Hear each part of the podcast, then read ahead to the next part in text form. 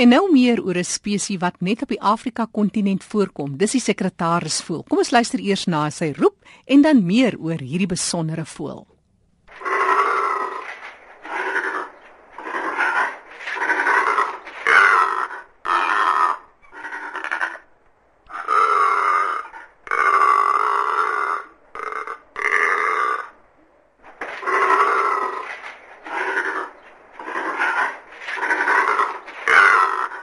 Ek gesels hieroor met Ernst Retief. Ernst is streeksbewaringsbestuurder van BirdLife Suid-Afrika, meer spesifiek in die streke Gauteng en Limpopo.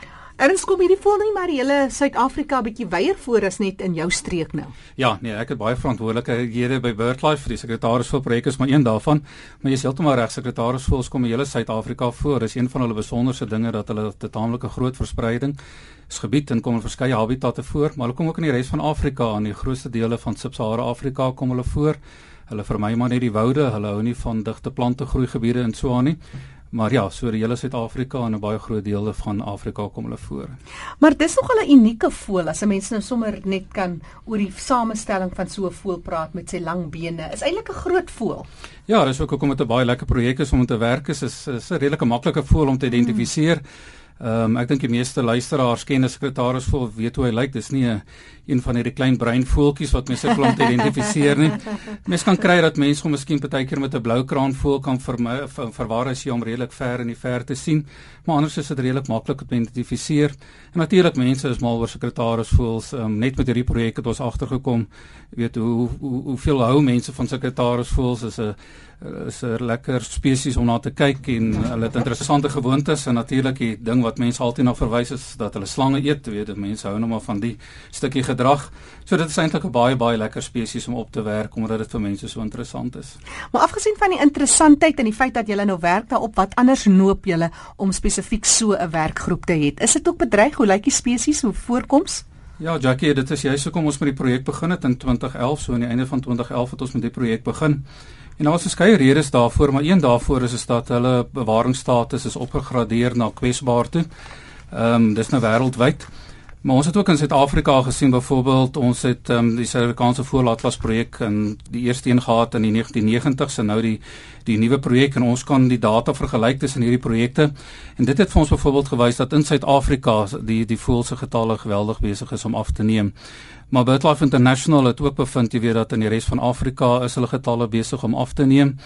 En dit is hoekom ons met die projek begin het. Ons wil graag uit, uitgevind het aan die eerste plek of hierdie bevindinge korrek is of hulle getalle wel afneem, maar dan ook te probeer bepaal hoekom neem hulle getalle af. Ten spyte van die feit dat dit 'n redelike maklike spesies is om te sien, is hulle voedingsgebied taamlik groot. Jy weet hulle hulle beweeg in 'n gebied van so 5 by 5 km um, wat hulle voer. So dis moeilik om hulle eintlik na uh, na te vors want dit is moeilik om hulle te volg. Dit is nie soos 'n 'n voël wat op een plek bly en wat jy net onmaklik kan bestudeer nie. So toe ek met hierdie projek begin het in 2011 was ek eintlik verbaas dat daar eintlik baie min inligting oor hierdie voëls betrokke is. Daar's redelike inligting oor wat hulle eet en byvoorbeeld hulle broeigedrag en so aan. Dit is nou redelik maklik om hulle dop te hou as hulle broei. Maar ons weet nie byvoorbeeld wat met die kleintjies gebeur nie as hulle uit die nes uitkom, wat wat gebeur met hulle nie. Ehm um, ons het nie regtig vir mooi verstaan miskien van al hulle habitat gebruik nie en ook hoe habitat en hulle gebied weet met mekaar verband hou. Is die gebied in die in die Noord-Kaap miskien baie groter as wat dit is in in die graslande waar die graslande dalk nou baie meer kos mag hê ensovoorts.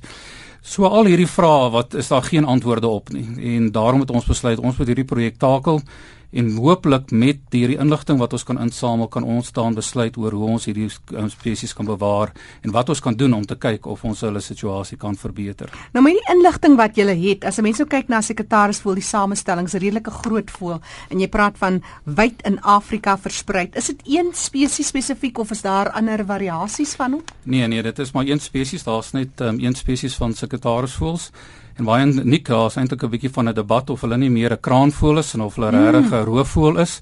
So taksonomies op hierdie stadium val hulle eintlik binne hierdie twee groepe.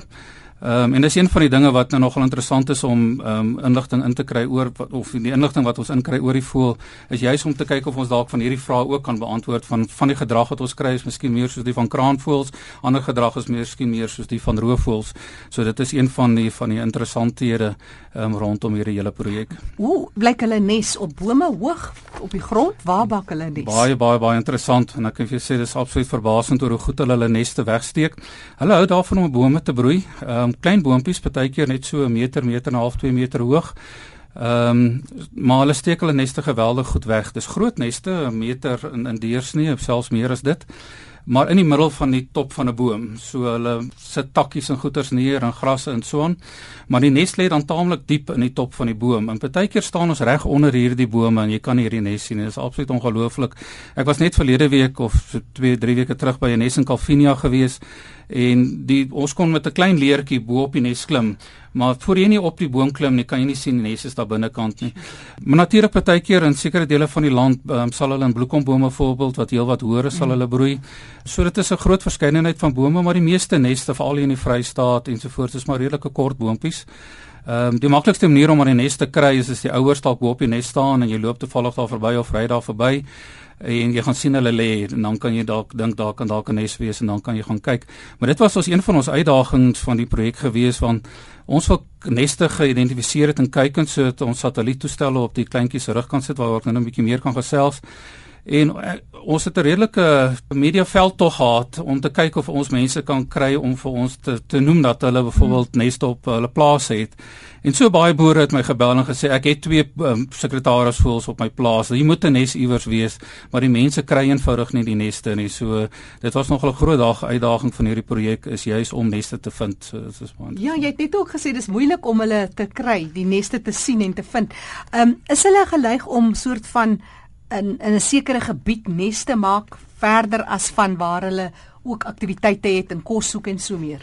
Nee, hulle is maar in die graslande en so aan. Um, ek probeer nog 'n bietjie kyk of daar patrone is ja. wat mense die neste kan kry. Wat ek in die Vrystaat gevind het, byvoorbeeld teen bulte, hulle hou altyd so half um, halfpad op teen 'n bult uh, 'n nes te maak soos of hulle die hele wêreld wil beloer vanuit die nes uit. maar jy weet dit is maar mens mens kan nou nie sê dit is oral dieselfde nie. Ehm um, baie keer staan die boontjies heeltemal alleen. Ehm um, die die neste wat ons ons staan sit, baie van daai bome is is die enigste boom jy weet in in die omgewing of of in in die nabye omgewing. Ehm um, maar dit is jy weet dit dit verskil maar van ja. van van dele in in die land. En erns hoeveel hoeveel eiers so in 'n broeislag en suksesse? Ja, hulle lê enigiets van 1 tot 3 eiers. Ehm um, ons is juis verbaas die afgelope paar neste wat ons gekry het is daar 3 kuikens wat eintlik redelik ongewoon is. So meer algemeen is 1 of 2 ehm um, kuikens. En wat belangrik is, die soort van Kain en Abel storie wat jy kry met roofvoëls dat hulle die kleintjies opeet, dit gebeur glad nie met ehm um, um, sekretarisvoëls nie. So dis nou juis een van daai verskille waarvan ek praat wat nou nie ten opsigte van roofvoëls is nie. So ons sit nou met twee neste byvoorbeeld in die Noord-Kaap waar daar 3 kuikens op die nes is en dat hulle is heeltemal groot. Ehm um, die ander neste is 2 en dan kan mens soos ek sê um, kry ook neste met met een kuiken. Ernst Retief is van BirdLife Suid-Afrika. Hy vertel van die navorsing wat gedoen word op 'n baie besondere spesies en soos ons hoor, beslis nie een van die roofvoëls nie. Hy word dalk verwar soms met die blou kraanvoël, ons nasionale voël, maar Ernst vertel ons meer oor van die werk wat julle nou al opgeteken het. Julle kom al 'n rukkie aan met hierdie werkgroep. Wat sou jy uitsonder? Ja, die groot ding wat ons nou eintlik met hierdie sekretarisvoels doen is ons sit sulke klein satellietsendertjies op hulle mm. rug vas. Hulle weeg maar so 38 gram. En um, ons het nou al op 'n paar van hierdie kuikens het ons hierdie senders gesit en ons kry absoluut ongelooflike data. Ek het net nou vir jou genoem, ons het geen idee eintlik wat met die kleintjies gebeur as hulle die nes verlaat nie. En ons het byvoorbeeld een sender opgesit op 'n kuiken hier by Bella Bella by Sondela, baie mense sal die oor ken. En ons kon pragtig sien hoe die kyk in die nes verlaat. Ons het so ehm um, amper 24 lesings per dag wat ons kry van hierdie voël se beweging. So ons kon pragtig sien hoe hy sy gebied rondom die nes ehm um, na die nes verlaat nou vergroot. En toe die kyk in eendag net die nes verlaat en tot ons verbasing beweeg tot in Botswana. Ehm um, die kyken is nou so onder die Magadi Gadi panne so 50 km omkring die Magadi Gadi panne in Botswana. En ehm um, hy het nou sy basies lyk dit vir ons sy gebied daar gevestig want al die data wat ons kry is van hierdie spesifieke gebied. En dis die eerste keer wat ons nou 'n sekretaris voel van hy die nes verlaat tot hy nou basies gevestig geraak het in 'n nuwe gebied um, kon monitor. 'n Ander voel wat ons byvoorbeeld gemonitor het is een wat ons op 'n plaas naby Worden met 'n toestel toegerus het. Die voel dieselfde gebeur. Ons kon mooi sien hoe hy die nes verlaat het en hy toe op die ouend afbeweeg ehm um, al die pad suid in die Vrystaat tot in KwaZulu-Natal en hy het letterlik geloop tot by die see aan die suidkus. Dit het 'n bietjie meer noord gegaan en hy daar op 'n plaas so oos van Ikopo het hy gaan bly. Ehm um, pragtig ons ehm um, kontak gemaak met die boer en ek was so gelukkig om weer daar te sien. En ons het nog gedink hy gaan daar bly. Mm. Maar so 2 weke terug, toe lyk dit vir my het 'n ander sekretaris vir 'n paar vir hom gesê hy moet die pad vat. En hy het toe daarvandaan in een dag gevlieg terug tot by amper in Lesotho in die Drakensberge. Daarvandaan noord beweeg om trend terug tot by sy nes in Worden en daarvan toe nou weer suid um, en hy is nou so net suid van Harry Smit. So dis uiters interessant en soos ek sê is absoluut unieke data hierdie om te sien wat nou met die kuikens gebeur. En ons hoop natuurlik nou om data te kry vir 'n paar jaar. Ons weet byvoorbeeld nie wanneer op watter ouderdom broei hierdie voëls die eerste mm -hmm. keer nie. En as ons nou genoeg data van hierdie voëls kan kry en later kan sien waar hulle is binne 'n gebied, dan kan ons gaan kyk of hulle dalk eiers gelê het of hulle broei ensovoorts.